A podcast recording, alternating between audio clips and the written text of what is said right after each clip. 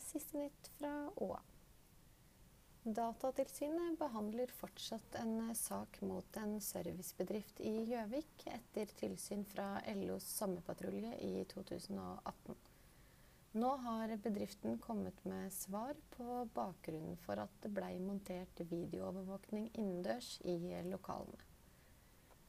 Beslutningen om installering av overvåkning ble tatt sammen med de ansatte etter vold og trusselhendelser overfor de ansatte, og etter at en uvedkommende berusa person klarte å komme seg inn i bedriften. Det skriver advokat Jan Hammerseng på vegne av bedriften i et brev til Datatilsynet. Det virker litt rart at eh, Arbeiderpartiet driver valgkamp på kjøpesenteret når vi andre har fått avslag om å stå der. Det sier Stig Vestli i Vestre Toten Frp. Han hevder overfor eh, OA at eh, flere observerte at det blei delt ut Ap-roser på Amfi Raufoss lørdag. Kan vi ikke heller diskutere politikk, sier Ap-sjefen Stian Olafsen.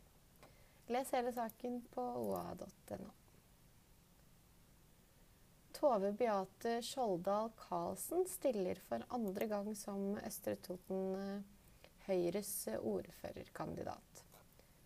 Hun sier hun like gjerne kan vaske gulv som å få tittel som ordfører, bare hun får innflytelse og gjennomslag for politikken hun tror på.